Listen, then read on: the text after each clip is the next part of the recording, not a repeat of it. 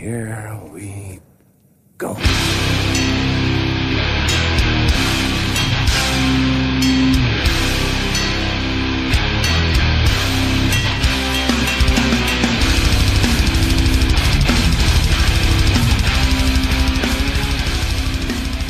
dag, då var vi tillbaks nere på noll avsnitt 39. Long time no see får man väl säga till Danne Nätterdal och David Olsson. Kul att ha er med. Ja men tjena, tack, tack, tack.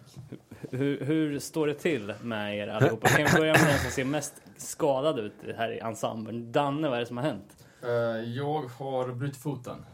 Och haft av ett ledband i foten. Aj, aj, aj, aj, aj. Eh, skate. Rough time to be a skater. Skate blessyr. Okej. Mycket tid till musik nu. Mm. Så det var, ju, det var ju lite anledning till att det inte blev något avsnitt sist. På inspelningsdagen så gick foten ur av daga. Eh, och vi hade till och med förberett att vi skulle göra en jävligt fet intervju medan vi var i Stockholm som också blev cancellerad. Så Precis. nu får vi revanschera oss duktigt här. Men vi kan väl eh, i alla fall hinta om att det kommer komma framöver den intervjun. Vi får väl hålla, hålla det så. David, då, är det bra med dig eller? Tycker jag. Ja, hur är det med dig? Ja, men det är bra här med. Jag tycker vi går rätt på eh, direkt här med lite feedback från eh, för en månad sedan när vi körde vårat eh, AFI eh, spökpunksavsnitt kan man säga. Eh, och eh, där har vi bland annat fått in eh, eh från eh, Mark igen som säger att eh, eh, angående då den här eh, podcasten från Brendan Chipati, var det som man uttalar hans efternamn? Tror du? Eh, så säger han att Brendan har spelat både med Bleeding Through, 18 Visions och Throwdown. Eh, Orange County-banden är också en liten grupp där alla spelar i varandras band. På tal om, på tal om den kopplingen som, som ni gjorde i det avsnittet. Eh, och sen så, eh, för att koppla tillbaks på det vi snackade om Hänt i veckan där, eh, nya poddar som fortfarande dunkar på, bildar kedjor, fortsätter släppa avsnitt varje vecka, vilket är kul. Nu uppe på iTunes även. Ja. Eh, och eh, ja, det var väl eh, ungefär det. Eh, Mark ser vi också att hans Steve är ett gammalt hardcore kid. Okej, ja. Steve Aoki, just det. Steve Aoki. hörde att han eh, hade Gorilla Biscuits tatuering och grejer. Så han verkar vara legit. Eh, ja, vi snackade om lite här att det hade krävts en offentlig avbön och ursäkt för att vi hade kallat anti-hundmina för ett ojband. Vår vän Krille som var väldigt påstridig. Okej. Men nu har det kommit via Hasse Simonen har det kommit ett meddelande från anti-hundmina. Åh, Där de säger att vi behöver fan ingen ursäkt. ja, fan vad nice. Det är gött att det går full circle där. Mm. Verkligen. Ja, eh, men fan i och med att vi har bo- varit borta en månad här nästan så har det ju hänt så in i helvete mycket. Det första väl och det som får en att kolla ut genom fönstret och undra om grisar flyger är väl att Earth Crisis ska spela i Falköping. Det är den här festivalen Throwback Festival som har gått ut med sina två första bokningar där Earth Crisis alltså är ett av banden. Va, vad var det andra? Vad var det andra? Det var... Inte Åh, hardcore i alla fall. Nej, jag tror inte det. Det var något... Kan det heta Souls eller någonting? Souls, precis. Ja, jag vet inte. Konceptet är att de ska hitta gamla band som spelar nu. Ja, alltså beskrivningen på festivalen är så här. Eh, Med plats för 7500 besökare erbjuder Folkets Park i Falköping en unik festivalmiljö. Det finns plats att röja loss till sin favoritartist, dansa till grymma DJs eller ta det lugnt med god mat och dryck. MVH radioröst. Vart Men- ligger ens Falköping? Eh, Neråt någonstans, Skövde nästan. Jag ser, jag, jag, jag ser framför mig att, liksom att fan, hela jävla hardcore-Sverige ska sluta upp och bara sprida dålig stämning på den där festivalen. Så, här- så här, tillbaka till, till 90-talet, du vet, på med jerseyn, på med baggy jeansen och sen bara Ja, men det kan vara ju... ignoranta och, och skicka folk. Men men förmodligen exakt. kommer det ju vara 114-åringar från Falköping som har sin första fylla. Ja, nej, jag tror det här kan bli kul. Jag, jag hoppas på någon typ av 90-tals hardcore reunion. Ja, och just att det är en folkpark också. Det vet man ju att det brukar erbjudas rejält med utrymme för att veva på de dansbanorna som finns där. Så att, Vi borde försöka ringa upp hen som har bokat det här och se ja, verkligen. Hur tänkte vem du? det är. Ja, fan, du vi hörde någon som visste ändå. Okej, det, ja. Så det, det kan vi fixa. Det får vi se. Ehm, och uh, Crisis har ju lovat att de ska köra Destroyed Machines eh, line-upen, eller line-upen, eh, plattan. Det som var nice med det här också, det var ju att vår kära eh, trogne lyssnare Anders från Dead Reprise hade Syracuse på speed dial där och kunde bekräfta både setlist och att det faktiskt inte var ett aprilskämt. Det var förvirring. Är det, något, är det ett annat Earth Crisis? Ja, men det finns väl ett Earth Crisis till tror jag som brukar komma upp om man kollar på, typ, på Ebay. Något sådär reggaeband tror jag. Steel Pulse, Earth Crisis. Uh, köp inte den. Alright, men eh, Apropå andra saker som man inte ska köpa såg jag här i våran skivsamlargrupp här på, på Facebook att någon som har sålt en, en eh, eh, repress på Anarkist Attack 7 C-Max klassikern. ja, En återpress från 2013 hade sålts här nu för 1500 spänn. Men hade, hade inte han skrivit ut att det var ett original på någon vänster? Han hade bara Eller antytt. lämna den lilla, lilla detaljen. rätt viktig information. Ja, ja, det gör ju att eh, skivan som annars kostar 80 kronor på, på Discogs nu såldes till någon stackars sate för 1500 spänn. Fy fan. Som trodde att han hade gjort, eller Sitt livs köp. ett sånt jävla superkap. Ja, fy fan. Så kan det gå. Fuck life. Eh, mer ny musik då. Eh, King Nine, de har man ju sett fram emot och veta vad de skulle hitta på efter den här superdyngfullängdaren Scared to Death som de släppte 2013. Nu är de tillbaks med första låten från sin kommande nya skiva som ska släppas i sommar. Eh, låten heter The Art of War. Eh, vi lyssnade på den här lite innan. Eh, spontant, jag kände att det var ganska pajigt för att vara King Nine. Jag, Säger du nu? Ty- tyckte du? Nej, jag tyckte att det var, det lät roughigt alltså. Det var inte alls lika slipat som, som jag tyckte. Eh, Ja, det var ju någonting, någonting med ljudet, men jag tänkte Ja. att det bara var någon sorts eh, dålig version. Ja, ja. Eller så här. Jag, jag tänkte Låten precis säga bra att, du, att du skulle spela upp den igen, ska man få höra. ja, ja, men eh, det kan jag absolut göra.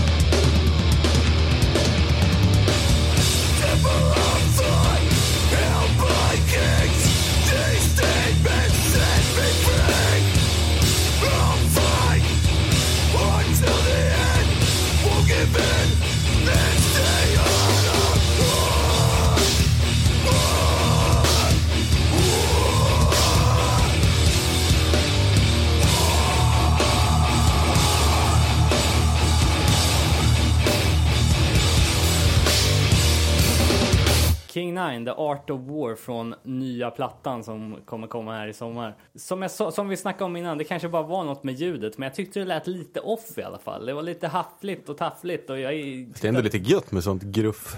Ja, men alltså, Inte perfekt. Scared to Death var så himla välspelad liksom. Så att, Ja, jävligt slick produktion också. Eh, men de verkar inte ha glömt bort eh, hur Marauders skrev sina riff i alla fall. nej, verkligen inte. Nej, det, kommer, det tror jag kommer bli en jävligt bra skiva. Yep. Ja, fan, det har ju dykt upp ganska mycket demos också på, på de vanliga plattformarna. Eh, ett Boston-gäng, Glory, typ old school-band, har ni hört om? Nej. Eh, Nytt alltså, eller? Ja, det är 2016-demo.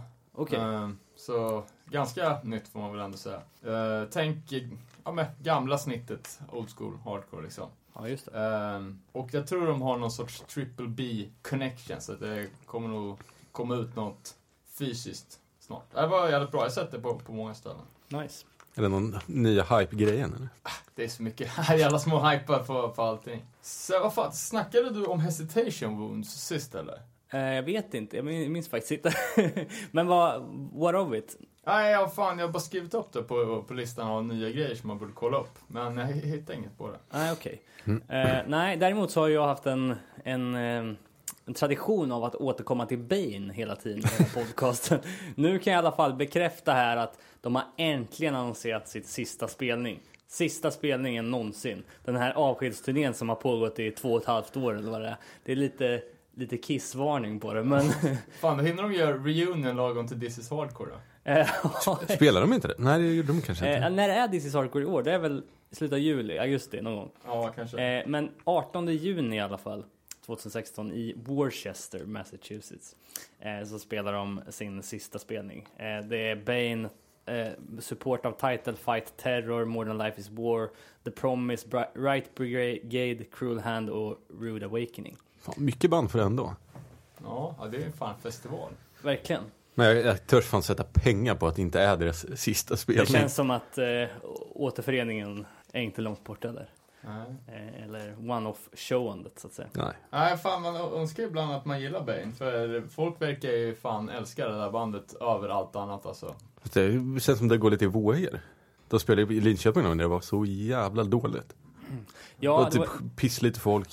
Och sen spelade de nästa år och då var det största hypen någonsin. Eh, det var ju lite synd att vi inte fick någon, någon Sverigespelning på deras sista Europaturné som de gjorde här.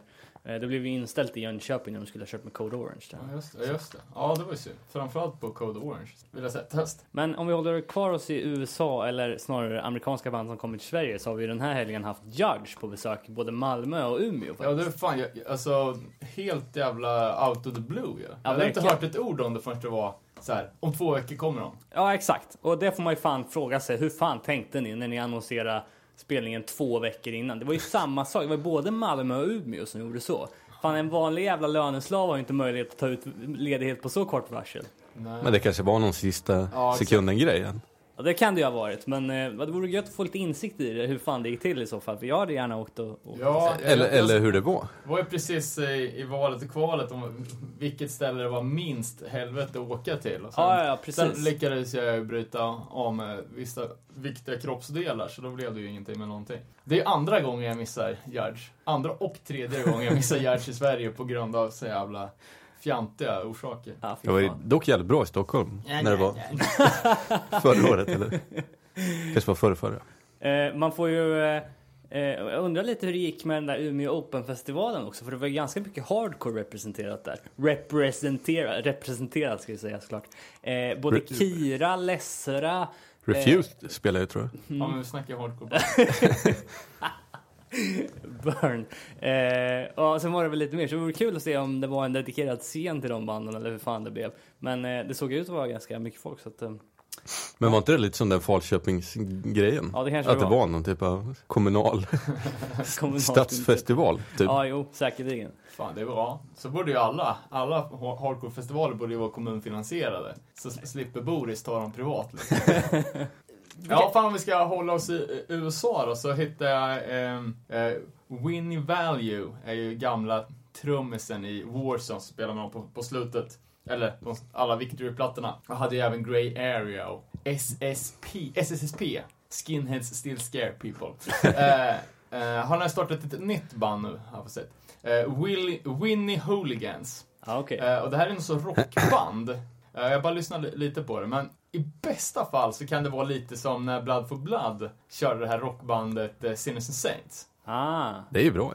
Ja, precis. Jag är inte riktigt säker på att det här var riktigt lika bra dock, men det är någonting åt det hållet. Uh, Winnie Hooligans med Z. Jävligt yo. det, det låter ju sjukt dåligt på bandnamnet. Sen mer New York, eh, nytt band också på demofronten. Crime Watch med K. Eh, med folk från eh, Ajax. Tror det fan är Brooklyn eh, ursprung på dem. Eh, verkar också vara, ja, det är lite stökig hardcore liksom. Inte riktigt lika ösigt som, eller härjigt som Ajax. Crime Watch med kvinnlig sång. Så det är typ, typ som lite lugnare Ajax fast med, med tjejsång. Okej. Eh, och att på, på Finns det, får jag bara fråga, kan man få tag på det på Spotify eller? eh? Nej, för fan. Det är ju eh, typ, jag tror Bank, Bandcamp. Ah, okej, okej. MySpace. Vi får Eh, länka. Ja, och lag och ordning eh, band. Eh, ett till då. Lawgiver har ju lagt upp låtar nu. Ja, just fan. Har ni kollat upp det? Inte hunnit lyssna på det här. Jag har varit sugen men jag har inte haft tid. Men Nej, vad- fan jag lyssnar alldeles för lite på det också. Jag hade hoppats att ni hade kunnat förklara. tyvärr inte David to the rescue. Nej, tyvärr inte. Uh, ja, där får vi ta och kolla upp mer, mer noggrant till, till nästa gång. Men det, det första som slog mig är, det här låter så jävla mycket som någonting.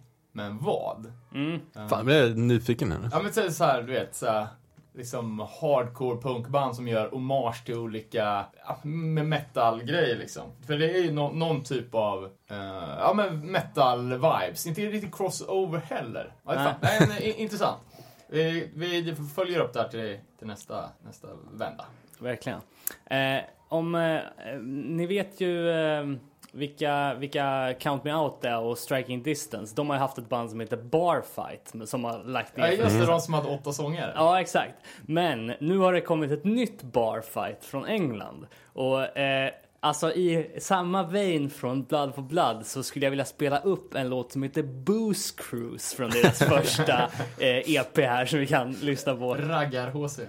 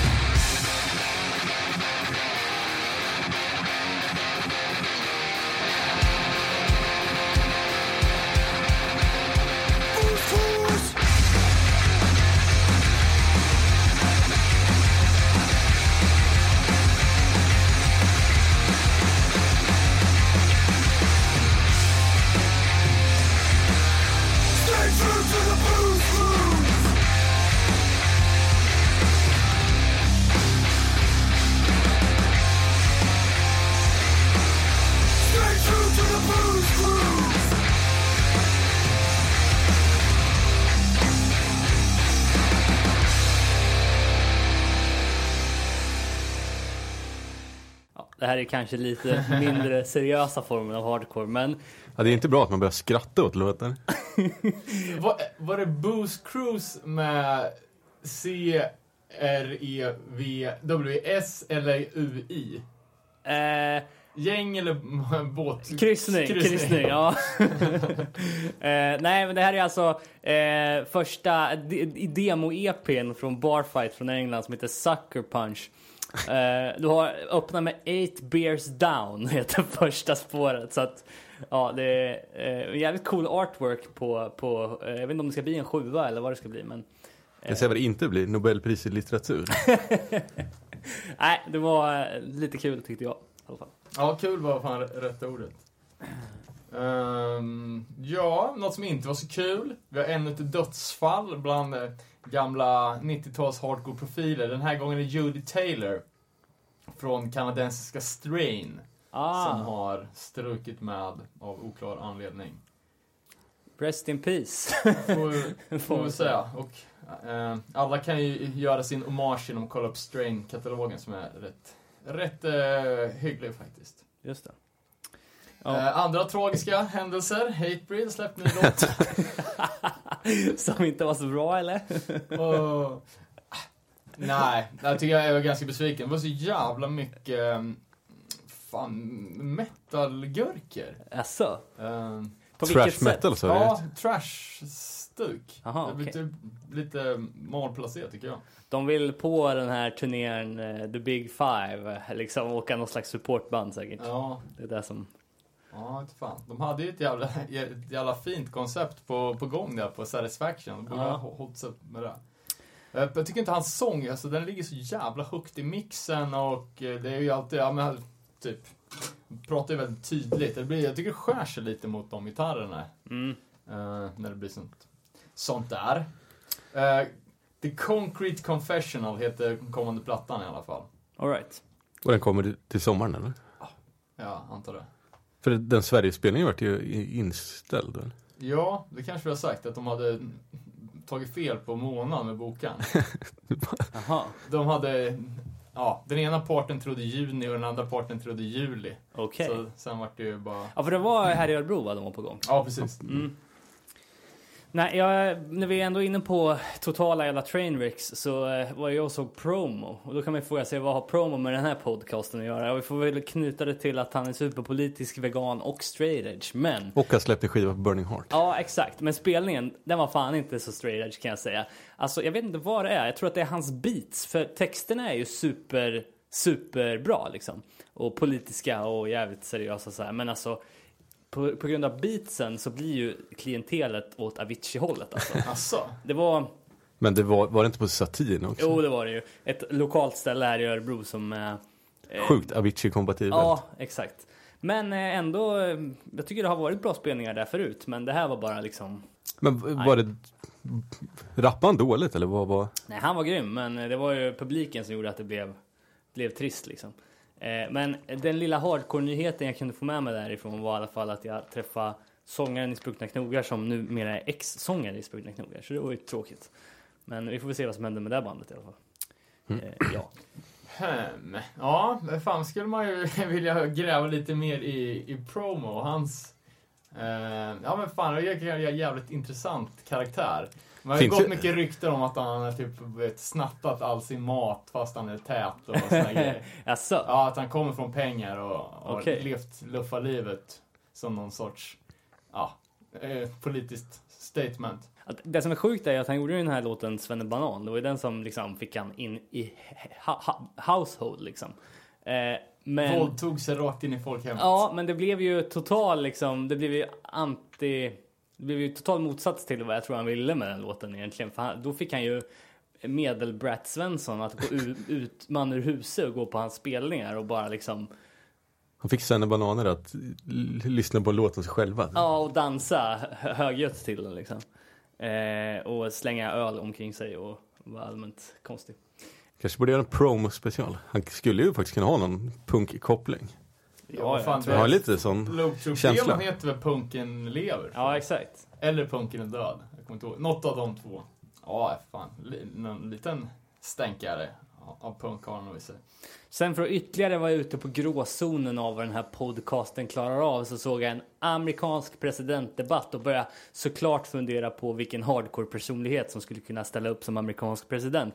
Eh, och där såg jag framför mig, jag vet inte om jag drömde det här eller ej, men jag såg att om Scott Vogel skulle kandidera, då skulle ju garanterat ett backstagepass till Vita huset vara en pre-order på deras nästa platta. Eller har jag fel?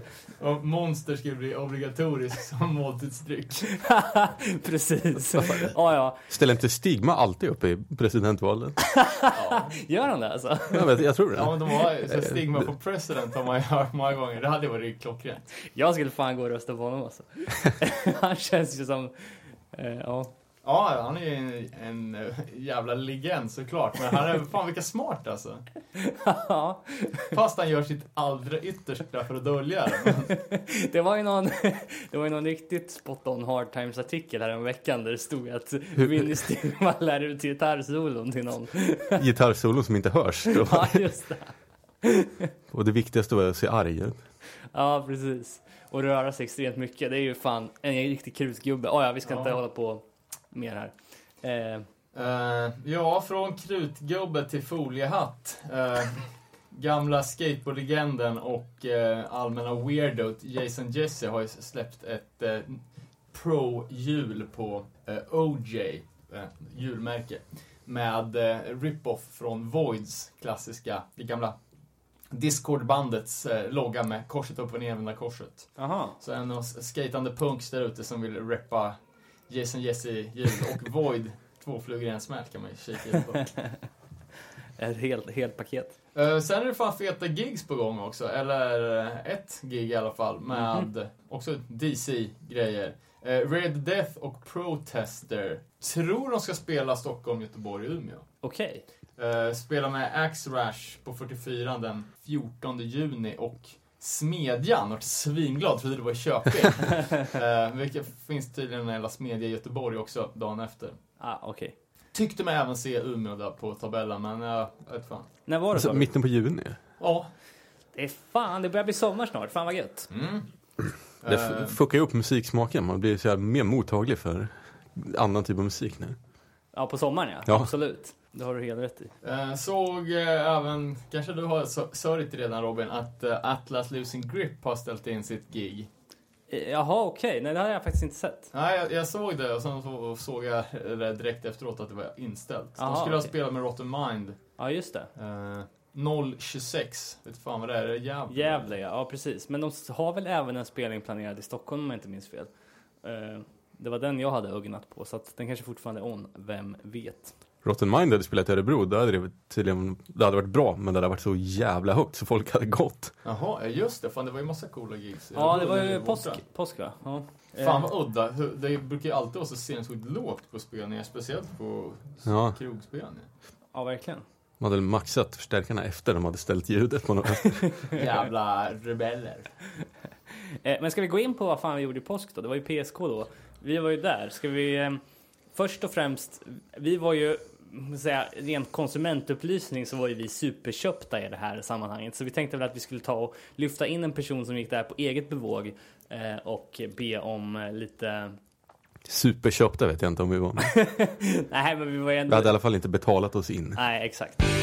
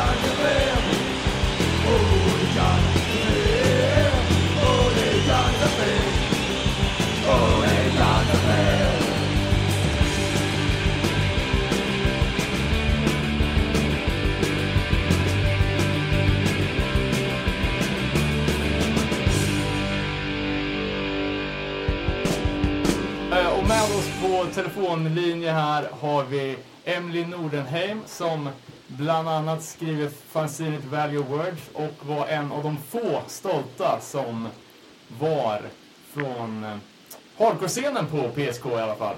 Eh, Ja, det stämmer. Tjena, tjena. Hej, kul, kul. Vi behöver ju lite, lite fler åsikter än våra egna inskränkta. Så jag tänkte att det vore kul att ja, fan, kolla lite med dig vad du tyckte som, som liksom oss var första gångs besökare på den här festen och ja, som har hängt med i hela det här snacket innan och, och så vidare. Ja, ja men eh, fan absolut. Det låter gött. Eh, vad hade du för förväntningar om Pretty Shitty då? Ja, alltså jag var ju rätt öppen eh, för alla intryck liksom. Eh, just för att jag hade aldrig varit där förut och jag visste inte riktigt vad jag kunde förvänta mig. Jag gick väl dit främst med inställningen att jag ville lyssna på musiken främst då. Eh, och sådär. Eh, för det kanske är det enda också som riktigt har tilltalat mig med i scenen. Eh, och med tanke på det så vill jag också inte lägga någon form av liksom, förväntning på hur, hur känslan skulle vara där eller liksom hur folket skulle vara och vad jag skulle få se och höra. Så jag gick in rätt öppen liksom sådär. Ehm, och förväntade mig mest bara liksom en fest med bra musik och god stämning och sådär. Även fast det kan låta väldigt simpelt liksom. Ehm, men det var nog det viktigaste för mig, absolut. Eh, och vilka, vilka band var det som du peppade mest av? Eh, garanterat Battle Ruins liksom. Det var ju höjdpunkten av allt. Eh, men även Shipwrecked. Eh, det var, skulle vara jävligt nice att se också eh, Ricks eh, Crown Court hade jag lyssnat på en hel del sen de släppte sin första demo. Eh, även Shipwrecked. Eh, och sen så också Violent Reaction på Pre-festen.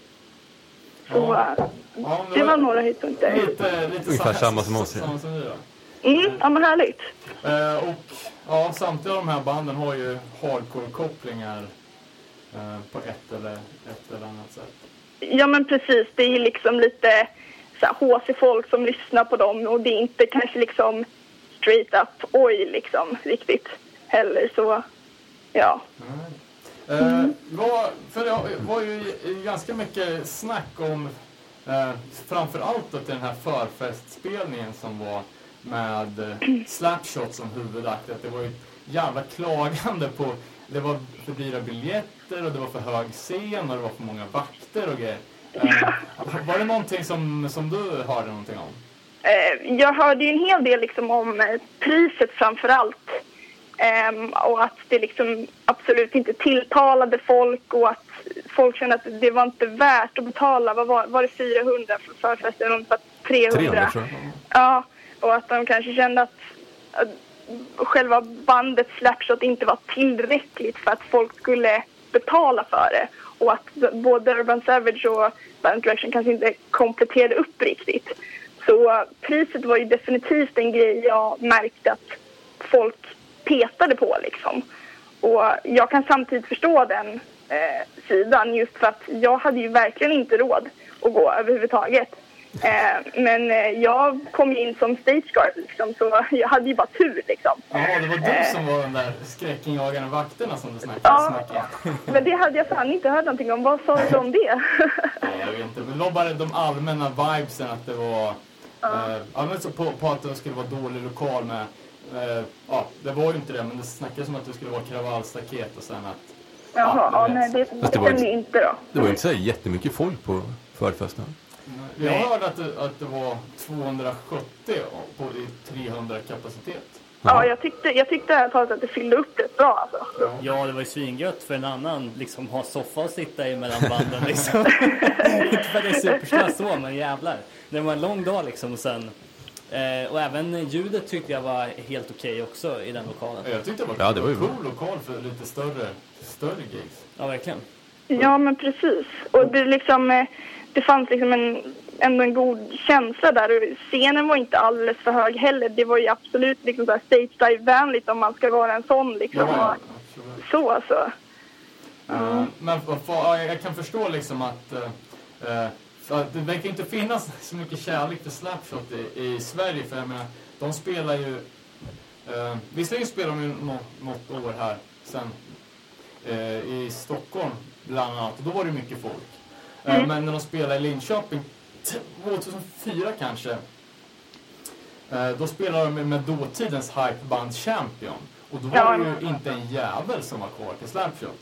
Det var ju typ jag, brorsan, Boris och sen några Smiths-killar som, som hade hört eh, Slapshot Att de gjorde en cover. från den här eh, slap, eller, eh, Smiths-tributen som Slapshot med på. Ja, men precis. Eh, så, jag vet inte fan, folk, folk verkar, inte, verkar inte gilla Slapshot.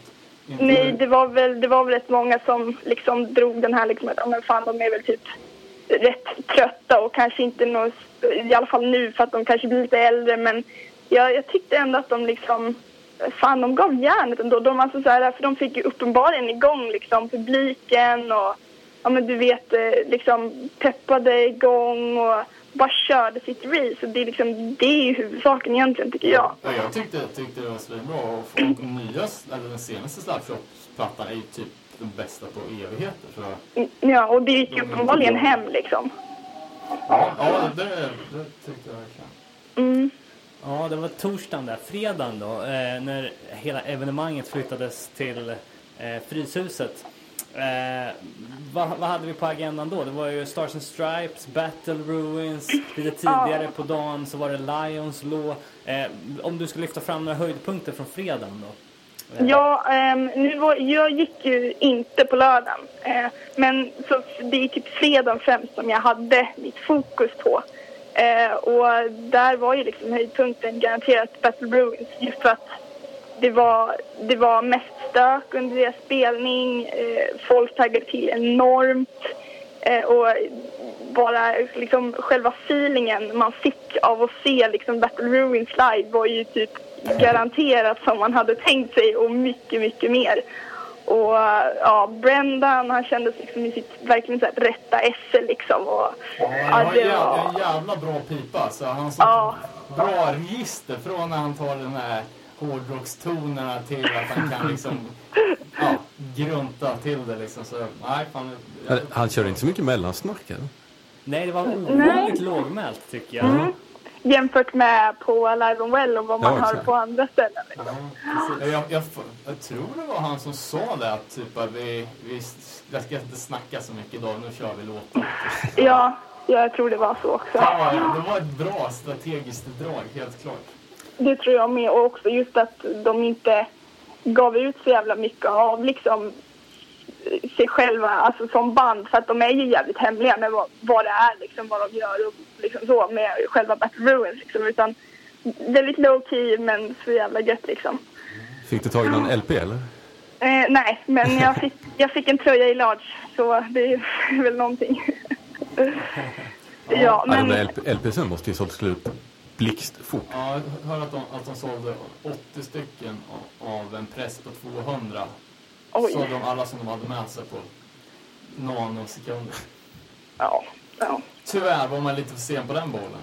Eh, men man säger så här, ja, Battle Rooms var ju det band som, som folk hade res, rest dit på.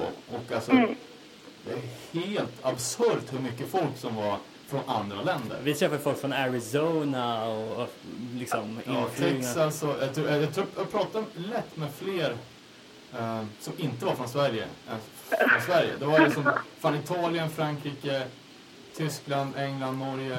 Ja, USA. Ja, Australien också var det väl några som hade åkt från. Liksom. Och det är ju hur, hur många timmar som helst liksom, åka.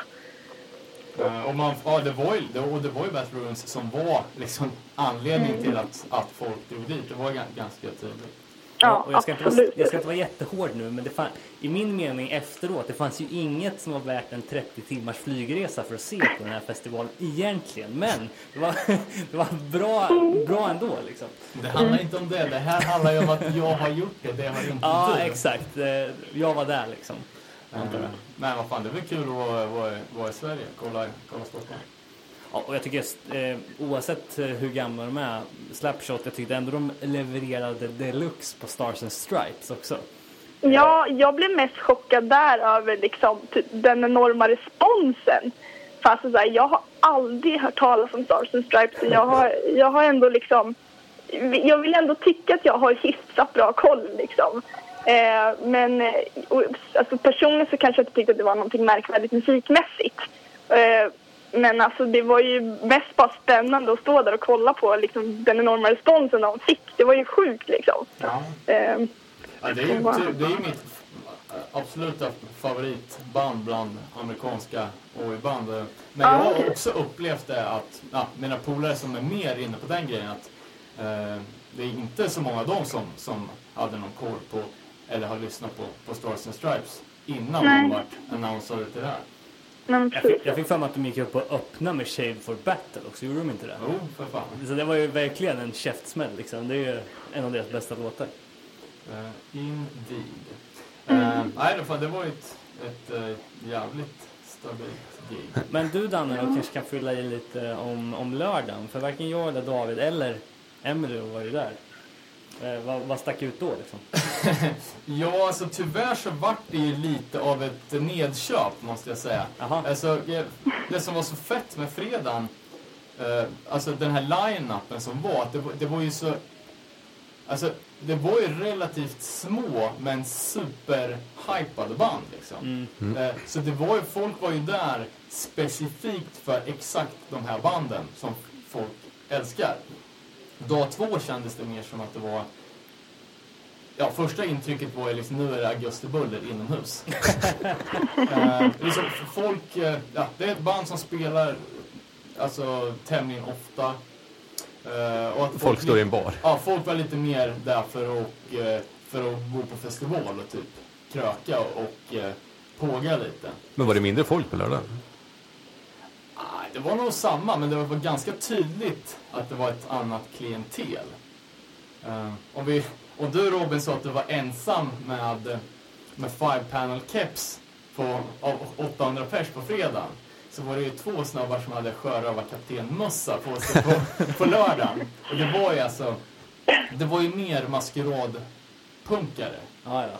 Och eh, alltså folk som man såg var något typ såhär nazi-skins. Liksom. okej. Vilket jag inte såg någonting av på fredag. Nej, Men då kanske man är, ja, inte fan vet jag. Jag har inte koll på vilka band som tycker vad och känner igen tröjor och vet vilka folk är och sådär. Men det var ju väldigt... Alltså det var, det var en liten fördom att man, att man hade när man kom dit att det skulle vara, alltså att man skulle kunna se att det, där står ett jävla nazi-crew liksom. Eh, och det upplevde i alla fall inte jag. Men jag tyckte ändå det var eh, det här som vi hade en bild av PSK att vara att så här, landets oysters går man ur huset för att samlas i Stockholm en helg om året. Det var ändå jävligt, det kändes som att det verkligen fanns en scen i Sverige för, för oj i alla fall. Liksom. Eh, det var många som Alltså man kände sig lite som en turist i deras scen på något vis när man var där. Men, Jo, men så, så var det ju absolut. men det var ändå kul att se att det var så mycket folk. Att de lyckas hålla i det år efter år liksom. Ja, ja men, men också att det, det är inte bara svensken som går man ur huset utan det är ju typ hela världen. Ja, ja, ja precis. Eh, Jag skulle ju slänga upp 50% från andra länder. Ja. I alla fall på fredagen. Där. Ja. Och vi hade ju, hade ju turen också, vi hade ju Erik Tisell som vår privata guide som tog med oss på alla, alla barer där folk möttes upp innan och presenterade oss för det. Du vet, det var ju eh, ja, men, band och, och, och folk. Liksom. Så, så vi fick ju, ja, vi fick ju träffa, träffa mycket roligt folk. Men eh, sammanfattningsvis då Emily, kommer du gå dit nästa år igen? Det beror väl lite på vilka band de bokar kanske. Ja, alltså för mig blir, blir det nog garanterat beroende på vilka band. Um, jag kanske går, men som sagt det hänger helt klart på banden. Jag kanske inte bryr mig så mycket om lokal och sånt liksom, men om det är bra band så går jag garanterat. Liksom. Ja, det, det, det känns ju som, som det, det, kriteriet som måste, måste gå först. Har du några drömbokningar då inom just den här falangen av hardcore punk liksom? Alltså, jag har ju precis snöat in mig på Oj och jag liksom, jag är ju rätt såld liksom. Men jag har lyssnat väldigt mycket på liksom, äldre band eh, som kanske inte riktigt går att boka längre. Liksom, som typ franska West Side Boys. De, de är svinbra verkligen. Jag vet inte om ni har hört dem men eh, de hade ju varit, liksom, de skulle jag ju betala vad som helst för att se. Eh, men ja, jag vet inte. Det, kanske något annat från England för de, de har ju liksom just den här scenen att de har ju mycket skins och HC Kids liksom blandade och de kör ju väldigt mycket oj-HC där liksom så lätt om, om Peter Kittelkjell kanske fokuserar och kanske drar in lite mer sånt så absolut, det hade varit jävligt kul alltså. Ja. Jag tycker det, det är tråkigt för att det, det känns som att oj hardcore-kopplingen är så jävla tydlig på så många ställen och då framförallt i England. Eh, Att den inte ri- riktigt, eh, ja som sagt, vi var, det var ju inte många av de usual sus- suspects från den svenska hardcore-scenen på, på PSK fast det var alltså folk, band som folk borde ha peppat liksom. Ja, nej men precis. Och, det är liksom så här, håller jag med om. Och liksom så här, egentligen så, jag tänkte ju också i början liksom så här, när jag såg Violent Direction liksom att så här, man fan de kommer inte kunna, alltså så här, det kommer inte, det kommer inte kännas bra att kolla på dem liksom på en stor spelning. Just att det känns inte riktigt som att de går ihop med liksom själva känslan om en stor lokal och liksom, ja. Eh, Men det funkar ju ändå liksom. Nu har ju jag redan sett Violent Direction innan på bättre ställen kan jag tycka. Men eh, jag tycker ändå att det är ett bra sätt att på något sätt bryta något sånt, alltså ett typ av gap som ändå finns mellan OJ och HC-scener. Liksom, och försöka liksom locka och vidga publiken lite grann. Eh, så det finns ju både liksom positiva och negativa liksom, eh, grejer med att kanske dra ett band som har en väldigt blandad scen och som man kanske förväntar sig ska dra människor men som inte gör det av vissa orsaker. Liksom. Ja, ja, det, är- ja det, är, det är tråkigt om de gjorde nu ett, liksom en satsning på mer hardcore crossover, den satsningen inte... Alltså nu var ju folk, det var slutsålt och folk var ju supertaggade på bandet, så inte det. Ja. Men jag hade ju velat sett mer folk från, från hardcore-scenen, liksom, så att det kan fortgå liksom. Det finns Ja. väldigt mycket crossover-band som, som, som jag skulle vilja se i Sverige. Liksom. Ja men precis. Och det var, precis. det var ju också lite grejer att um, Crown Court som, som, som spelade tidigt då på dag två. Det var, tror jag, det enda bandet som, som var en besvikelse. Jaha. Um, alltså jag tycker det är skitbra på skiva och det lät som på skiva men de, det var liksom inte... Alltså, det, jag tror de var lite för, för små för, för scenen om man säger, alltså den fysiska scenen som de stod på. Men- Det känns som att de är, så, de är så vana på att spela småställen i, i England där det är så här superpepp. Eh, Ja, och att de liksom inte riktigt taggade till när det var ja, tidig eftermiddag liksom inför 800 pers på en stor scen. Men var det 800 personer? Eller var det många som såg dem? Ja, det var ganska många. Och eh, det ba- bandet som öppnade var ju Riks Ja, hur Ja. var det då? och det var svinbra. Eh, ja, det, det, det, det tyckte, jag var, tyckte, tyckte jag var riktigt bra och det verkar ju alla andra göra också. Det var en, för mig absoluta höjdpunkten dag två. Annars verkar den största publikfavoriten vara han disco-liraren. Vad den Ja just det, eh, den där fransosen. Ja, Dig- Dig- Digital Octopus. Var inte det någon från Riks? Ja, det är ju, det är ju eh, trum, han som spelar trummor i Riks. Ja, men Ja, precis. exakt. Just det. Ja. Ja, det var ju riktigt eh, både absurt och svinkul att se faktiskt. ja. Och Jag tyckte faktiskt, jag, jag filmade lite med, med telefonen och lyssnade på efteråt. Jag tycker faktiskt de här eh, discoslingorna som han har lagt på, ja, i bakgrunden var det ju var sköna. Det här är ju fan breaking news. Nej, jag, jag tyckte det var rätt så nice. Men det var ju lite skumt i liksom hur, eh, i och med att han körde en screwdriver-cover.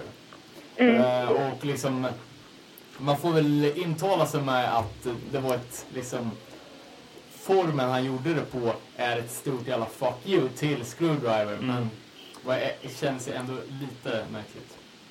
Verkligen. Eh, Om jag ska lyfta fram någon egen favorit så var det ju helt klart Lions och Loa som jag tyckte ja, var för Jävla jävla, bra, bra, alltså. absolut. Det var nog ett av de banden som skrällade mest för mig. Alltså. Eh, I och med att jag, så här, man är ju bekant med med liksom sångaren från Mara Boots och sen så liksom Rick. Så, så jag hade ändå lite förväntningar på dem och de, de överträffade verkligen. Alltså, så det var väldigt trevligt att se. Jag håller helt med. Ja, ja, jag träffade på, på Babs och han sa ju att de hade, Lions då har en platta som ligger inspelad och klar. Aha. Och att det har förts diskussioner med Burning Heart. Okej. äh, hemligheter. Dock, dock var det ingenting, eh, det var ingenting som, som var spikat eller så. Eh, Men det är ju kul att veta att de har en ny platta på gång i alla fall, för det är ju väldigt bra. Det var jävligt lite band som hade med skivor tyckte jag. På en hardcore-festival då är det ju fan köpcentrum med merch och grejer. Inget band hade ju med skivor. Typ. Nej. Ja, och det som var fan, nästan största skrällen var ju merchkön till Riks. Det var ju alltså något helt absurt. Jaså? Med tanke på att det var ja, första bandet och liksom, de har ju, ja, vad kan de ha spelat in? En, en sjua plus två låtar liksom. Men det var ju så, eh, hela vägen ut i spellokalen, från, genom hallen liksom, trippla, fyrdubbla led. Eh, som det slut på allt de hade liksom.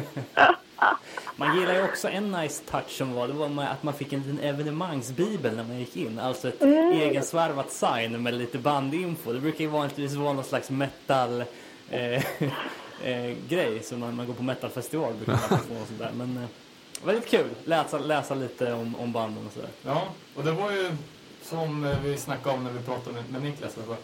Eh, Tommy från Gribol som, eh, som öppnade festivalen som gör det här synet. Ah, Eh, och jag har fått äran att skriva en hardcore oj, crossover-krönika till kommande nummer av Marching On.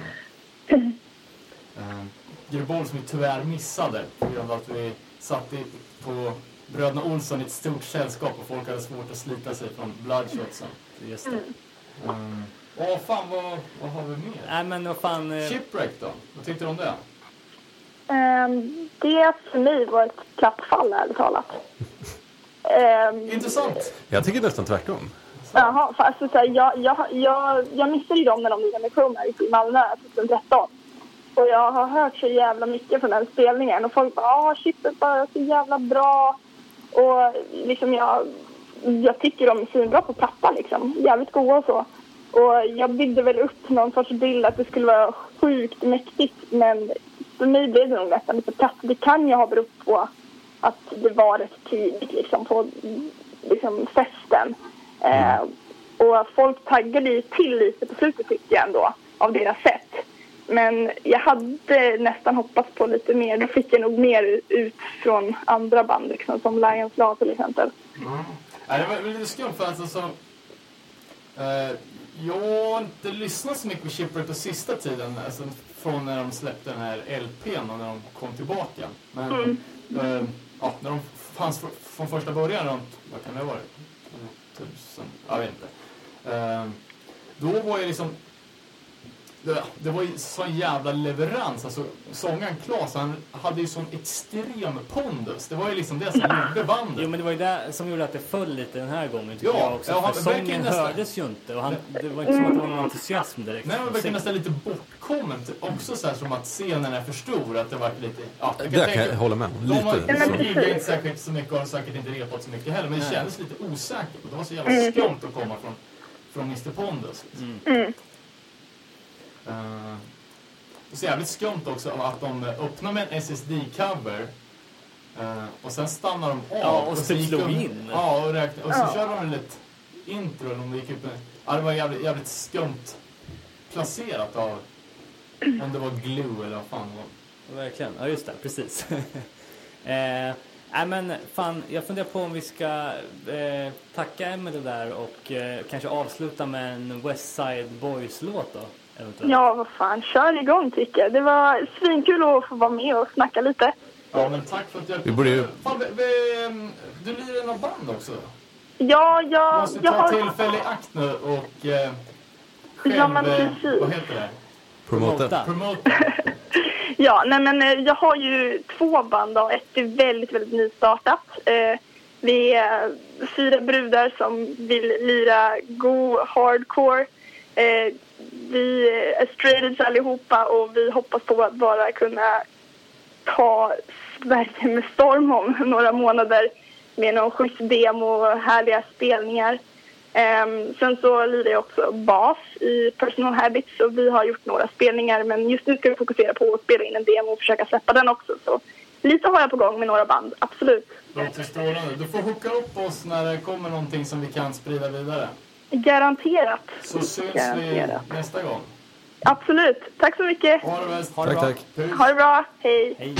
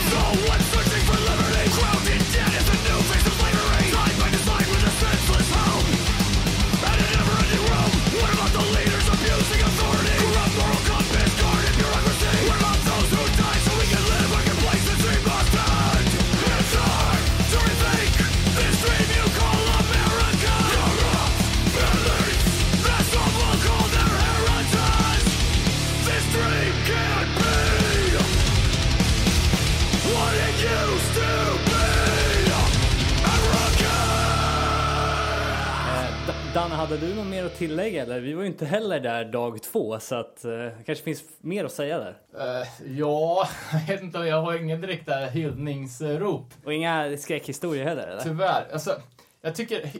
eh, om man, det låter kanske lite elitistiskt men att det, det var jävla mycket cleanare dag ett. Liksom, när det var så här smala det är spetskompetensband. Och sen var det liksom mer, lite mer allmängods dag två. Det var ju band... Ja, men det var, och dessutom var det ju mer renodlade punkband dag två. Eh, och eh, först ut av de banden eh, var ju Troublemakers. Eh, som... Eh, Haft med några låtar på Röja-skivan del två. ja, de är nog skyldiga till, till en och annan samlingslåt. Aldrig Eh. hört det men jag förutsätter att det är skräp. Ja, alltså de, eh, de säger att det här var ju de firar 35 år i punkens tjänst. Eh, och det känns ju verkligen som att de rider lite på gamla meriter. Och det tycker jag liksom var lite till så här temat över dag två. Eh, om man bortser då från de tre öppningsbanden eh, som vi har pratat om och Lost Warning då, från, från Malmö. Som, det var bra, men det, det var inget speciellt. Dock kul var ju att de körde Royal Stakeout. Eh, svinbra gammalt punkband som ah, medlemmar då, från det bandet. Körde sin eh, hit om att spöa nazis, eh, Street Fight. Ah. Eh, så det var ju kul att få höra den i alla fall.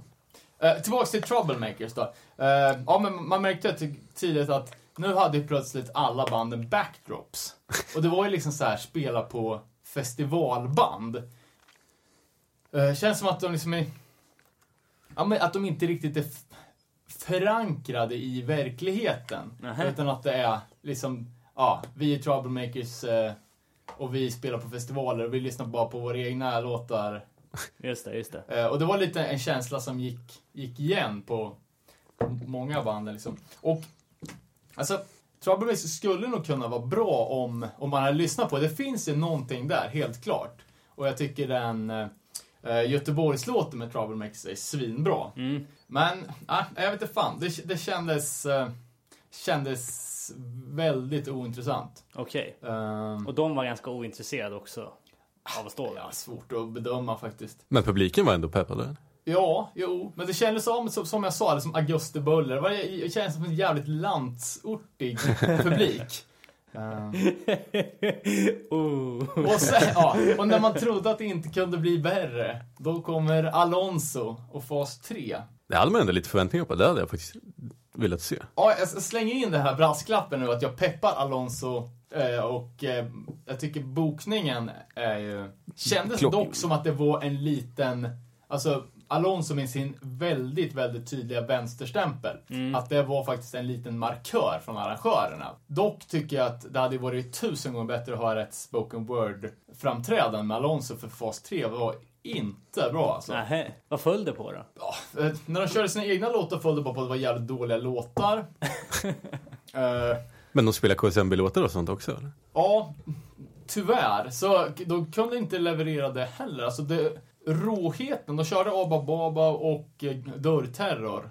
Kanske någon mer. Liksom det, det hårda i de låtarna var liksom bortrockat. De, jag vet inte fan. Det var totalt, totalt antiklimax. Mm. Jag körde även Stockholmsneger, den här, vad fan heter den, Drömmen om det, vad fan heter det? Landet. Ja, en som de inte heller tycker leverera, kan det lämna landet? Ja, skitsamma, ni, ni som vet, vet. Eh, och så hade de ju någon, jag tror, tror att fas 3 är någon typ av musikkollektiv, det kan vara lite vem som helst som spelar. Eh, bland annat har väl eh, Nicke Andersson lirat och, eh, vad heter han, Fredrik George Eriksson från 2.8 och han eh, Inge som lirar med, bland annat med Stiletto och har spelat med Noise Conspiracy? Ja.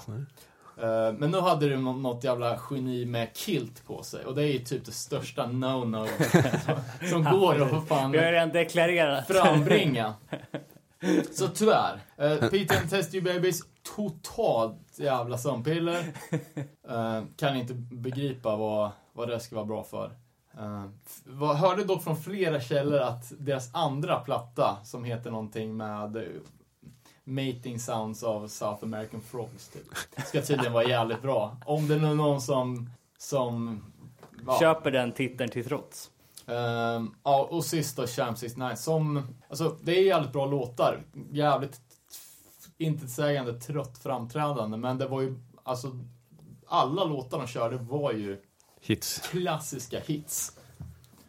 Ehm, tyvärr så, jag gjorde ju en liten eh, rolig påning på Facebook inför det här avsnittet när jag la upp eh, en bild på Per Gessle som är extremt lik Jimmy Percy. Ja, Jag tror dock inte det var någon som fattade den kopplingen, eller också var det bara jag som tyckte. Men, Nej, det var sjukt likt. uh, ja, jag vet inte fan. Dag två var, var, var sådär faktiskt. Det var som det var helt enkelt. Eh, men all in all, så jävla bra weekend alltså. Det var ju, vart ju en lång, lång helg. Det var svinkul och fan, riktigt bra. Ja, fan det var skit, skittrevligt. Är det bra arrangerat? Det kändes som allting funkar bra.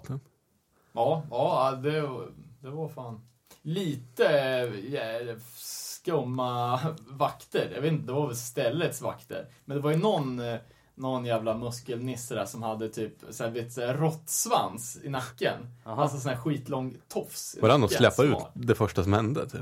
Ja, det vet jag inte. Nej, det var fan. De eh, kändes lite vaktiga faktiskt, men... eh, kanske, kan precis- man inte kom, komma undan Det kanske. första som hände när vi kom in var ju att de bar ut någon. Kommer ni ihåg det? Ja, jo, det var ju du och jag som gick förbi David. Just det. Men eh, det kändes som att eh, han hade begått den här synden som, som även arrangörerna uppmanade till att inte göra, det vill säga förfesta från lunch innan man gick dit. Eh, Så kan det gå. Hoppas på en bra line-up nästa år. Kocksparrer var ju är bokade. bokade. just det. Eh, och det är väl, eh, om jag inte minns, 35-årsjubileum för Shock Troops eh, 2017. Så, så är Oj gudarna med oss så blir det något eh, eh, spela hela albumet set. Det hade ju varit magiskt. Jag tror man kunde köpa biljetter nu som var lite billigare också. Om man, om man vill. Oj, och det vill man. Eh, ja, Ja, that's, that's on that. Eh, vi går vidare. Eh, efter att eh, ha spenderat en helg på, på PSK då med, med, med mycket oj och så, så kom jag hem och kände att nu jävlar är det dags för Seventh Dagger-banden igen. Så då drog jag på Tyrant och Represent och lite sådana där grejer. Så började jag fundera på Fan, finns det några arga straight band kvar idag eller? Alltså, jag menar, den eran som var med Seventh Dagger med med bannern This is not a debate, this is war, XXX liksom. Det var ju stenhårt på ett sätt liksom och man kände ju verkligen hatet och hela den här kill your local drug dealer mentaliteten i texterna liksom. Eh, men alltså jag har inte kollat upp det här själv, men jag undrar vad, fan, vad finns det kvar? Vi har ju snackat om Seventh Dagger förut, att det inte, det är väl typ Ad Arma och Tyrant och såna här band som fortfarande är semi-aktiva. Eh, det är väl ar- arma kan inte vara det. de är superdöda. Ja, eh, jag, jag tänkte på något annat band då, säkert. Men eh, ja, AFB menar jag förstås. Eh, men... ehm, Ändå det- kul att du nämnde Ad Arma. Det är nog inte jätteofta folk tänker på dem nu för tiden. nej. Tyvärr, för det är ju bra alltså. Eh, men det, det är nästan inga, inga av de här banden som är aktiva längre. Men jag tänkte bara slänga ut lite, lite kort här till, till våra lyssnare om, om eventuellt någon har något tips på, på så här riktigt, vad ska man säga, alltså Stay Hungry-hårda eh, straight edge band liksom. Eh, med, med texter som verkligen är Annars har du ju hittat en marknad här. Ja, ja men alltså typ X-Devotion X och såna här saker liksom. Det är rätt gött att mixa upp det ibland. Med, med... Ja, alltså nu är det ju jävligt mycket old school här. Det kommer inte så mycket. Om det är den, om du tänker det Seventh Cross, äh, Seventh Dagger. Ja, precis. Arg, tung jävla beatdown hardcore liksom. Uh, Med straight edge tema liksom. Ja, Ja, jag vet fan, har vi, har vi snackat om det som var en liten skräll här? Att Ja, eh, precis. Clevelands finest. Eh, precis. Eh, det var ju eh, dels Rotting Out men också eh, Soul Search va? Searchblock menar jag. Searchblock. Eh, Ja, just det. Som åkte fast i någon slags drug trafficking härva. Hade de inte stoppat henne i en bil som var helt knökad med någon typ av knark? Eh, och Searchblock för er som inte är bekanta med dem så är, är de super straight edge. Tror, blir ett automatiskt edge break om man åker dit för drogsmuggling? Jo men det måste det vara. Jag vet ju bara att eh, den absolut bästa bloggen eh, The Latest Pit Beef kallade det här för att one-oppa Scott Sparks i den värsta edgebreaken i världshistorien. Man såg ju direkt på bilden också att han var skyldig. ja, ja, Det där verkligen. mugshotet, det skyldig, det bara stod skrivet över han. Don't drink, don't smoke, don't smuggle. Nya, nya straight edge-låten till det här kommande bandet. Nej, men det var ju så kul för de skrev ju så här eh, eh, på, på den här bloggen, The Latest Pit Beef. Eh, det, det är våran skyldighet att informera er om den största, mest pinsamma edgebreaken i straight edge historia. Eh, vet man vart det här ägde rum? Jag tänkte, Rotting Out är väl från södra Kalifornien, så jag tänkte att de kom via Mexiko typ. Eller var de, körde de över Lake Michigan eller vad? ja, men det är ju så att eh, Wally Edge från Rotting Out eh, Du menar det här Wally Edge? Ett, X, vad fan? X-Edge. Jag tar, jag tar tillbaka det. Ja. Precis. Han heter ju Walter Enrique Delgado Alvarez. Så, eh, eh, men han blev i alla fall arresterad i Ohio för att ha traffickat eh, 70 pounds of marijuana och eh, 1000 burkar med hash oil. Eh, jag vet fan vad det är. Det är väl också något skit. Eh, ja, det är hascholja. det är vad det är. eh, men, Men vad är det? 70, vad är ett pund? Eller pound? Jag vet det ett inte. kilo typ? Ja. Två kilo. Åh fy fan. Det Det är ju tvärtom.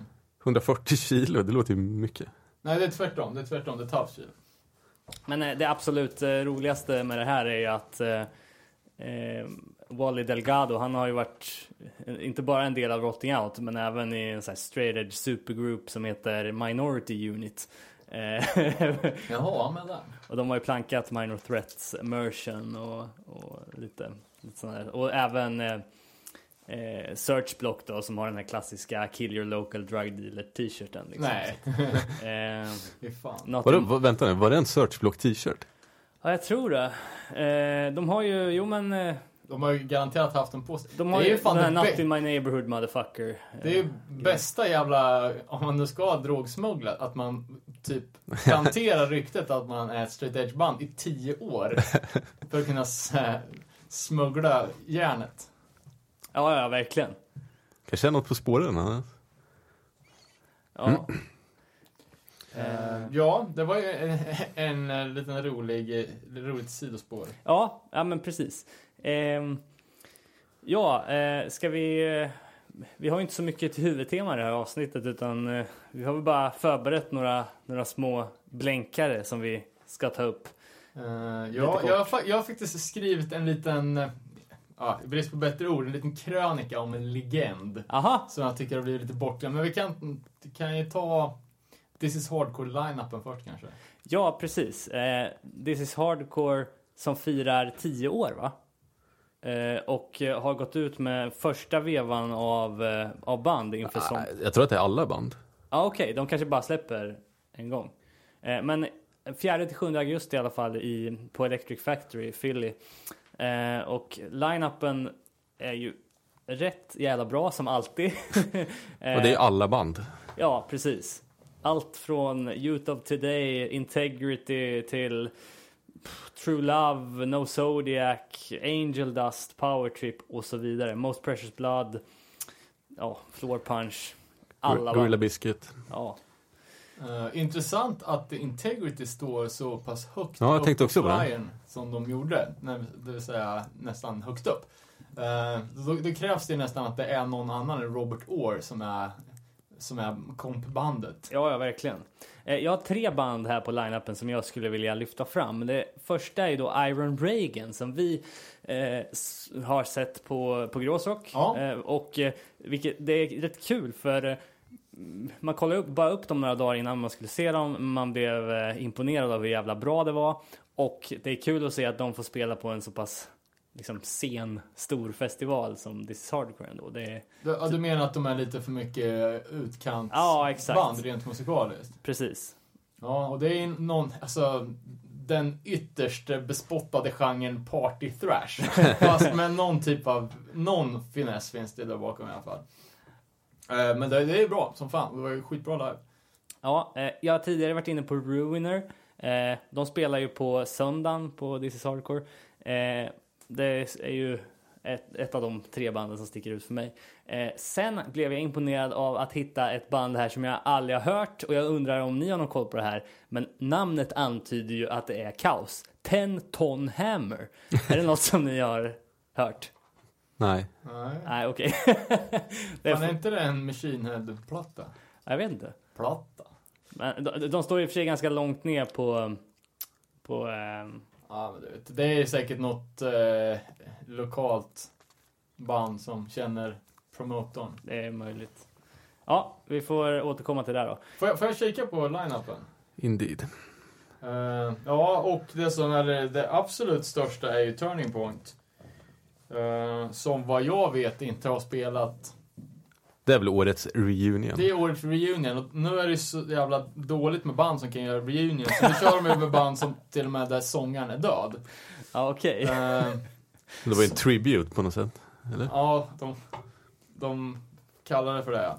Eh, nej men klart, klart det är en tribute. Tribute to Skip står det till och med. Eh, Ja, och det kommer vara blandade folk som, som sjunger eh, klassiska straight edge dängor i åminne av stackars Skip som pundade ihjäl sig.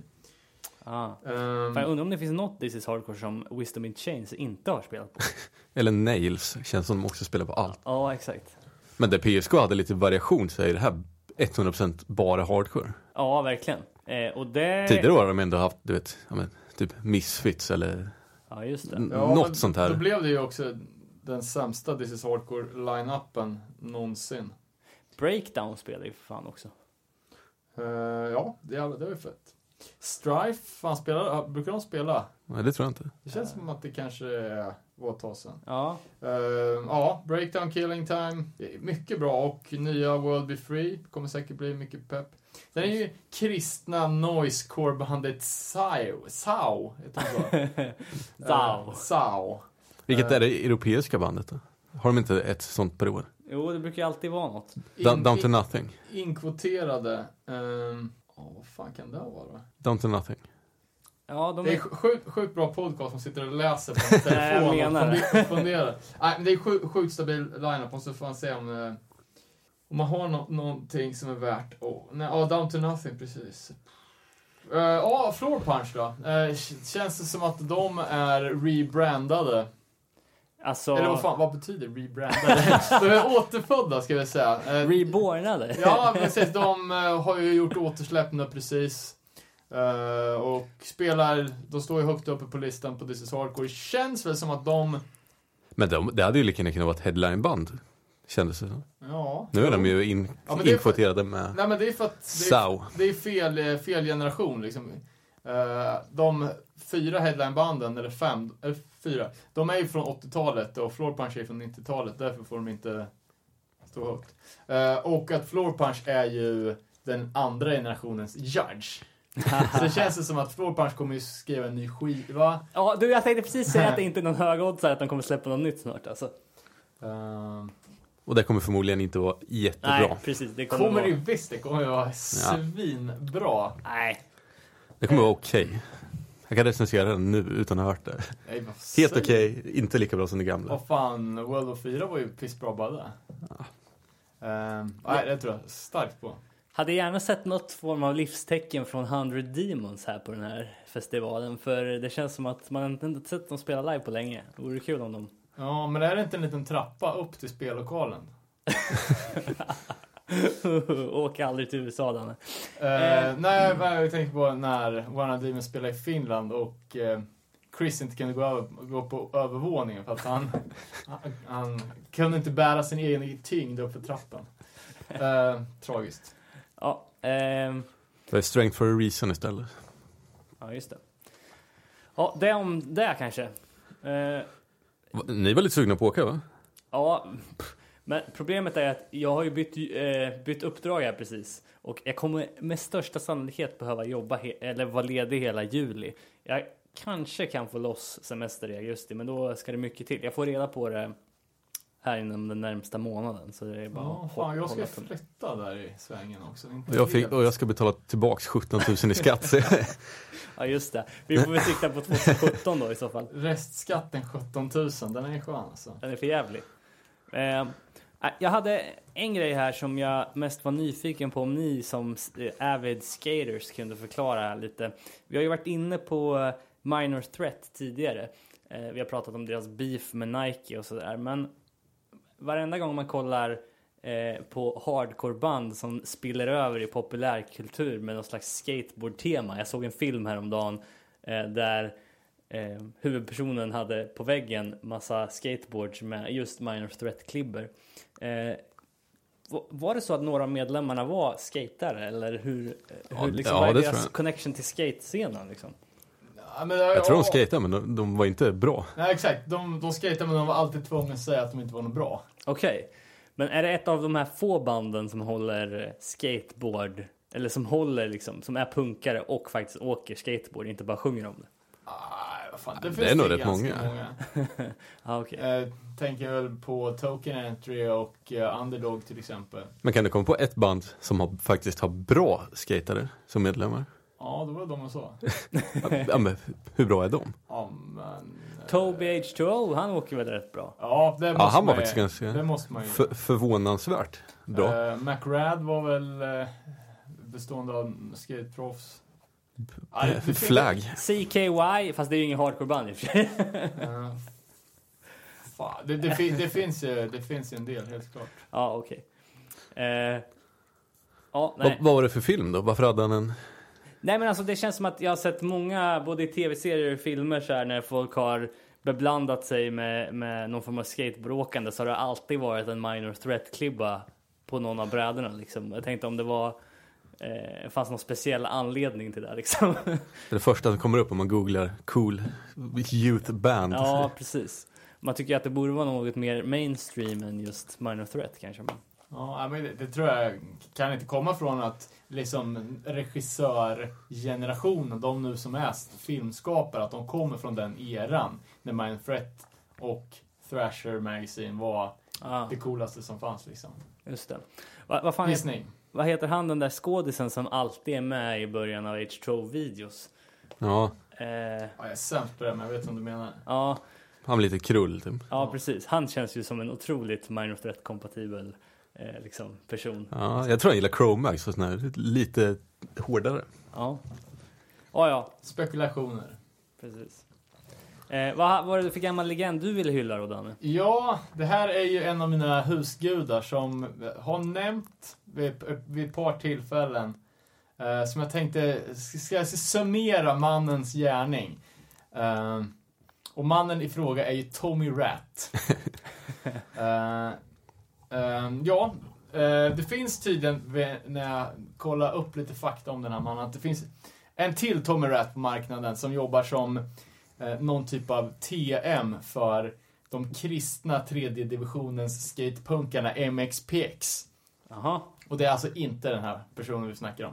Den är Agnostic Front. Tommy DeRo- DeRotha från, från New York eh, som har spelat i i eh, många bra och fitat i, i de största New York-banden under flera generationer. Eh, och jag kom ju in på där som eh, Eh, ja, typ 16-åring när jag började gräva lite i New York Hardcore och fick tag på Madballs eh, Ball of Destruction när den släpptes som LP. Så på slutet där är det lite radiointervjuer och liveklipp och grejer. Eh, Och då proppar de för den sista Agnostic Front-spelningen som, som var 20 december eh, 92. Eh, Och på den här line-upen då så är det Agnostic Front, eh, Madball, Warzone, Marauder, Hoho. Demise, Cold As Life och Rejuvenate. Fy fan. Eh, och det här la man ju då på minnet. Ah, Okej, jag kände ju till Agnostic Front och Warzone, men de andra banden var ju nyheter för mig. Eh, jävla line-up för övrigt. Eh, och dum av min förvåning, några dagar senare så är jag nere på Åhléns för att byta prislappar på skivor och hittar en platta med Rejuvenate. Oh. Eh, och på, alltså det, man var ju sjukt svältfödd på att hitta hardcore-plattor över, överhuvudtaget. Det här var ju innan Burning Heart var etablerad i Örebro. Eh, ja, och det fanns ju inte direkt varken någon hardcore-scen i Örebro eller någon distro eller någonting. Eh, så den köpte man ju direkt och plöjde den rejält. Eh, det är CDn Moment of Truth, heter den. Eh, som är, ja men säg jävligt ganska rak och enkel downtempo New York med ganska, ganska speciell eh, röst liksom. Men jag tycker, tycker alltid tyckt att det varit jävligt bra. Eh, och några år senare så fick man ju tag på den här New York Hardcore-dokumentären på, på VHS. Eh, och fick då först höra att eh, Tommy Ratt är mannen som, som, som grundade New York Hardcore. Eh, och sen då fick man ju se hur, hur ja men fick se han liksom i en intervju.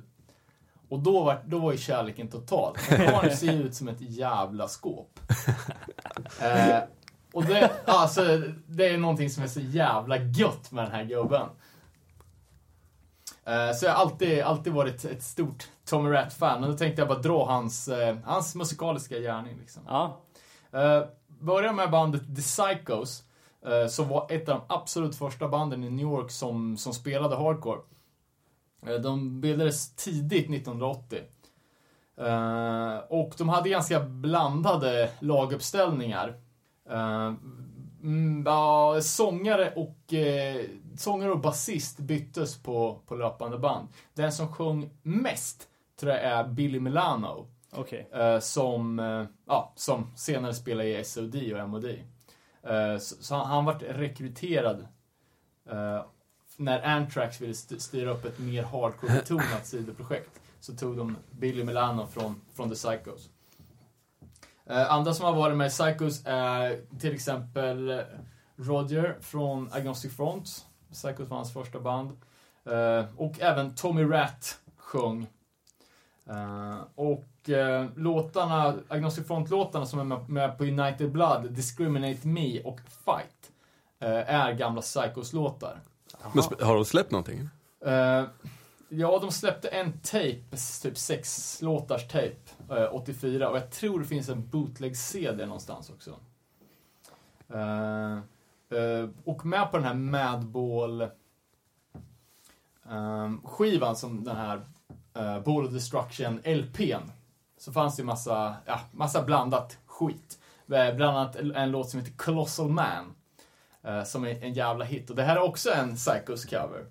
Eh, och låten är, den är så lite semi-humoristisk. Den är, handlar om figuren The Colossal Man från, från B-skräckisen The Amazing Colossal Man från 1957 som är Ja, men tänk en sån King Kong-liknande Ja, ja, bebis, eller så här vuxen jävla bebis med höftskynke och rakad skalle. Eh, och låten Colossal Man, refrängen är ju Colossal Man was a skinhead.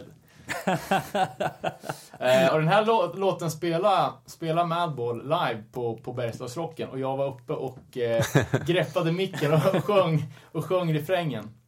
Eh, och sen sändes det ju det här eh, Madball-giget på P3 Live. Jävligt otippat. Hörde man dig då? Tyvärr har de klippt precis Nej. innan det. Eh, Råmaterialet borde finnas i något arkiv Ja, någonstans. jag vet inte om P3 kanske inte hade koll på skinhead-grejen och tänkte att det här var någonting som man inte får sända. Mm. Eller om det var min sånginsats som, som pulled the plug liksom. Eh, men i alla fall ett ganska, ganska coolt, tidigt bortglömt band, The Psychos. Eh, efter det så, så debuterade Tommy Rat i eh, Warzone som var eh, där han var den första sångaren. På den tiden spelade ju Rabies trummor. Eh, och de spelade in en nio låtars demo. Och varav åtta låtar från den där demon är aldrig släppta efter det. Det finns på, på en bootleg-LP att få tag på. Så det är helt unika. Det är det som heter Tommy Rat Demos. Exakt. Så jag kanske ska, klipper in en, en låt från, från den demon. Uh, och efter det bandet så startar han Trip 6 som är något så här nästan vad man skulle kunna säga som hans eh, största band liksom som var hans eh, hans egen egen grej liksom. Eh, de släppte bara en sjua, no, no Defeat No Submission. Eh, och vad som är mest eh, liksom spektakulärt med det här släppet är ju artworket som Tommy Rat har gjort. För det ser ut alltså som ett handikappat barn har ritat med foten typ. En, en, en teckning på en eh, klassisk hardcore-bild liksom med, med ett skinhead som, som sliter isär en, en boj, eller så kedjor liksom. Ja, ja. Men det är så jävla risigt. Jag kollade på den hos, hemma hos dig igår. Ja, det är Värsta jag sett. Ja, det är helt otroligt. Det Nej, måste vi det lägga- måste vi lägga upp. Alltså det är, ja. Eh, och det är liksom också så här, bara, bara liksom poängtera vilken jävla kung det är vi snackar om. Eh, och Tri- Trip 6, uh, då, då går han under namnet Tommy Youngblood. Eh, och han verkar, precis som Rabies också gjorde, alltså alltid förde kidsens talan och eh, mycket så här om, ja men, eh, ja men den grejen och bandet som han startade efter kortlivade Trip 6 heter Rejuvenate som är då eh, föryngra och som var det bandet som jag som jag kom, kom in på som jag har lyssnat absolut mest på de här banden. Eh, och Rejuvenate, Reju, Rejuvenate var relativt sena. De hade några låtar på komps och, säkert någon demo ute, men sjuan kom 92 eh, och fullängdaren kom 94. Eh, och det här var en period när New, York, jag tror typ att det här kan ha varit enda liksom, renodlade hardcore-bandet på, på Manhattan på den tiden.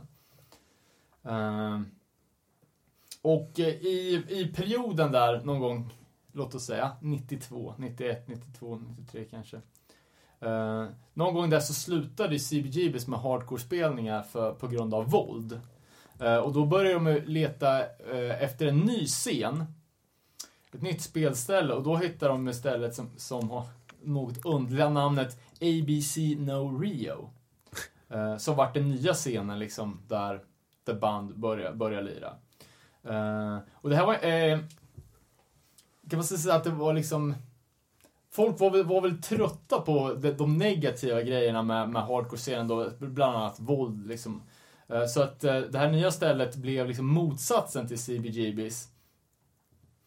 Uh, när ja, band, ja men Chromags och Murphys då för den delen och Bad Brains och de här började släppa på stora bolag så var de nya banden mer DIY.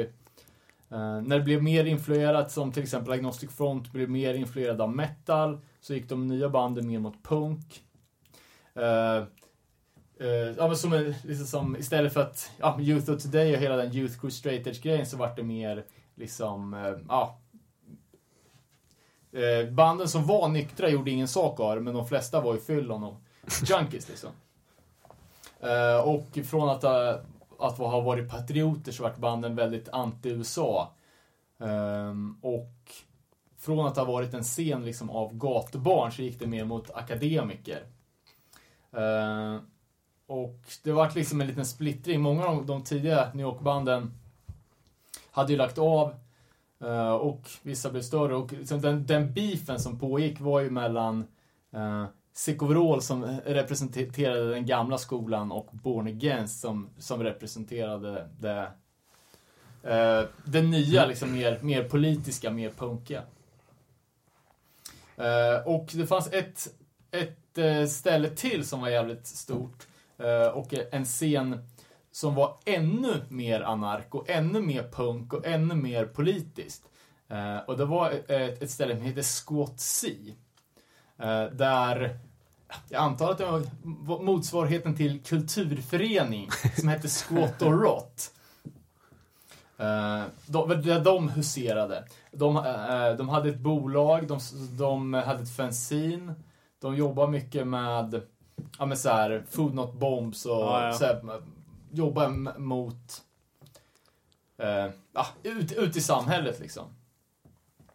Uh, och de släppte även eh, tre stycken samlingssjuor. Som, jag har bara den första, så är jävligt bra. Uh, men Rejuvenate var med på en av de här och de spelade både på ABC No Rio och på Squat och Rot. Så de var liksom med, trots att det var folk från Agnostic Front Warzone som tillhörde rena gardet så var de ändå liksom som en liten förenande länk mellan de två olika lägren i New York som var på den tiden. Eh, och till den här Squat och Rot-samlingen då som, eh, som jag har, så eh, får man med ett fanzine som är jävla fantastisk läsning alltså. Eh, ja, mycket, mycket, bra, mycket bra grejer, men det som är, det är liksom höjdpunkten är ju eh, alltså de, eh, ja, det är ju sjukt politiskt liksom. Både det här med, med skottandet som var så här skitstort i, i just i New York. Eh, så de är jävligt inne på djurrätt. Fan, är det tidigt? Ja? Ja, vilket år pratar vi om? Ja, det här är ju runt 90. Jag tror den- första är från 89 och den sista är från 93. Eh, och det här Squat C finns ju fortfarande. Det band som, alltså de nya anarko New York-krustarna, typ Leftover Crack. Eh, de hänger ju Squat C nu. Eh, men skitsamma, är det här jävla tidningen? Så det här är ju någonting som, som våra kompisar Tor och Jens skulle digga. För då har de en sån här lista på saker man ska bojkotta. Eh, och då är ju bland annat Coca-Cola med. Och det är bara, ja, det, det, jag kan hitta många anledningar till bojkott- bojkotta Coca-Cola. Men anledningen då är att Diet Coca-Cola är ju var ju nylanserad typ den här eran. Och deras posterboy var George Michael. Eh, och George Michael har tjurfäktning med i sin musikvideo. Och det gör ju då att man inte ska dricka Coca-Cola. Eh, sen har de även eh, en annons för den fantastiska tidningen som jag också skulle läsa som heter National Boycott News. Eh, Foliehatt på köpet, eller? Eh, ja, det var, var ett litet, litet stickspår där. Eh, och för, förutom då uh, Tommys egna band så har han även gjort one-off-grejer. mm, Till exempel med, uh, han sjöng för Agnostic Front eh, under ett sätt när Roger inte var i stan. Inom situationstecken. Och han har även sjungit för Lives Blood vid, uh, ja, vid en, enstaka Jag tror, det, jag tror det här gigget när, när Roy inte var i stan finns på Youtube faktiskt. Eh, ja, pre- precis. Det är jävligt eh, snålt med Tommy Rat på YouTube. Riktigt besviken. Ja, Eh, och uh, inte, Rejuvenate spelar ju en gång i, i Sverige. eh, utan både bas och publik. Tyvärr, det var så jävla lite folk på skylten så att de var tvungna att flytta gigget från scenrummet till merchrummet. in i kaféet. Ja, okej. Ja. Eh, Men var det bra då? jag tyckte det var helt jävla fantastiskt.